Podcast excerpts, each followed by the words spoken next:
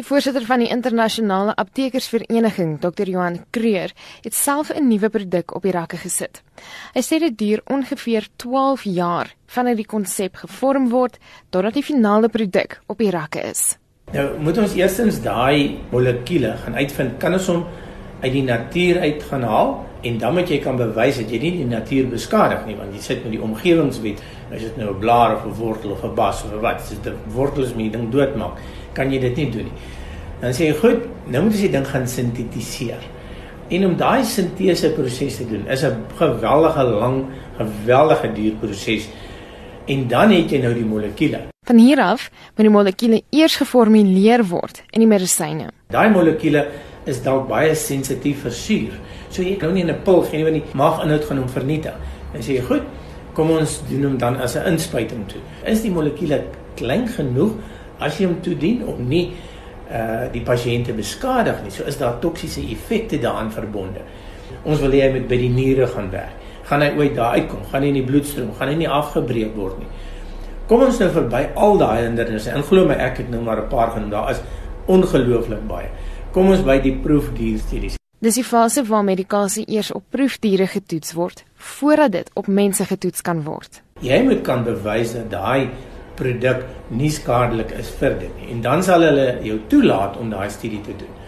Kom ons sê die dieremodel was suksesvol. Nou nou trek ons al 5, 6, 7 jaar in die lyn van navorsing af want baie van daai effekte is nie onmiddellik sigbaar nie. En ons mag dalk tot 6 maande en 'n jaar wag voordat ons kan kyk is daar 'n effek op daai proefdier. Die toetse op mense word dan verdeel in verskillende fases. Waar ons aanvanklik net sê maar 10 mense toets. Dan kom ons by fase 2 waar ons 50 toets en dan 200 en dan internasionaal 1000 en dan moet jy daarbey insluit mense van alle ouderdomsgroepe van verskillende geslagte uit die aard van die saak van verskillende etnisiteit agtergrond want mense het verskillende reaksie op middels en dis weer eens 'n jarelange studie. Uiteindelik sê duisende mense, insluitend diegene op wie die medikasie getoets word, moet betaal word. Die bode wat die goed gaan aflewer, die ou wat die formule moet maak, die ou wat die boksies moet maak, die selfbuisies maak, die goed wat daarin moet sit, daar's duisende mense betrokke by so 'n navorsing. Want ek bedoel jou jou fase 3 studie op op pasiënte moet ten minste 1000 pasiënte wees. En dan praat ons van die navorsers wat net die idee het plus die mense wat die formulering doen is gewoonlik ander mense met 'n ander kundigheid. En nou sluit ek nie eers navorsing op swanger vrouens en op kinders in, want dis weer heeltemal nadat die ding geregistreer is. Volgens hom beloop die koste om die proses te voltooi oor die algemeen tussen 300 miljoen en 1 miljard Amerikaanse dollar. So hoe bepaal mens dan die koste van so 'n produk? Volgens die bestuurshoof van die Innoverende Farmaseutiese Vereniging in Suid-Afrika, Dr. Konji Sibati, bepaal die maatskappy wat die produk ontwikkel het, die prys van die produk.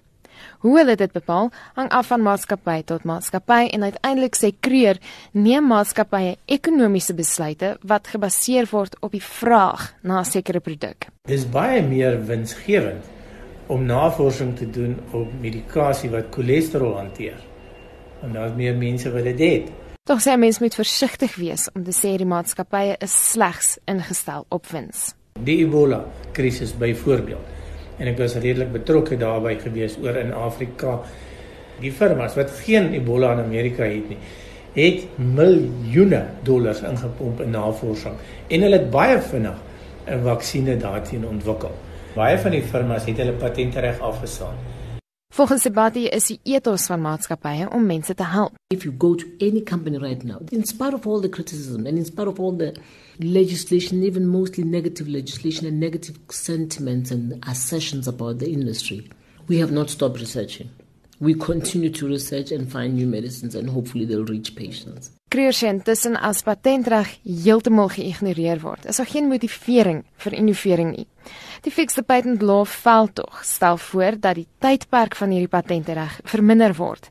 Volgens die veldtog se raadgewer oor die aangeleentheid, Clay Waterhouse, is dit nodig dat farmaseutiese maatskappye in die res van die wêreld meer openlik moet praat oor hoe pryse bepaal word. It's a distressing fact all through the world because when big pharma companies say we need our patents because we pay so much money, billions and billions, to develop these drugs, what they're actually not telling you is that often the first stage of the drug development is done at universities. You know, it's scientists and academics, and that's often funded by the governments or subsidized by governments. So they do the hard work in finding it.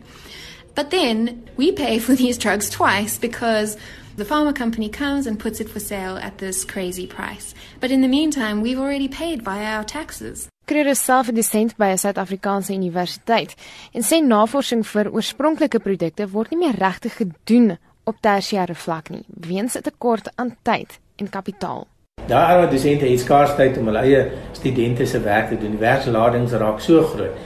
Die begroting om navorsing te doen moet uit die industrie uitkom. So die die industrie sal vir hulle sê help ons met hierdie formulering van 'n produk, maar die industrie het eintlik klaar die navorsing gedoen.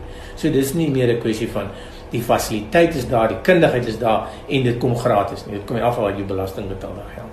Boonop sê Suid-Afrika doen nie regtig navorsing nie omdat dit te duur is en die land se sektor nie genoeg kundigheid het nie. Navorsing oor nuwe produkte word dus hoofsaaklik in Amerika en Europa gedoen. Dis ook die rede hoekom toegangsprogramme in Suid-Afrika so skaars is. Hy sê pryse word goedgekeur deur die Suid-Afrikaanse Gesondheidsprodukte Beheerraad. Jy kom in met 'n produk en dan moet jy dit motiveer en dan ook as hy in ander lande in die wêreld baie goedkoop is, moet jy kan motiveer hoekom jou pryse is. Hulle bou daarin faktore soos wisselkoerskommelinge, groei werkskepping en al daai faktore. Verder sê die prys van medisyne styg reeds 'n geruime tyd nie bo inflasie nie. Intussen moet maatskappye die wisselkoers ook in ag neem. Ipasa sê intussen indien produkte wel te duur is vir sommige verbruikers, kan hulle ondersteuning ontvang van skenkersubsidies of die regering. Ek is Marlene Forsie vir SAK nuus.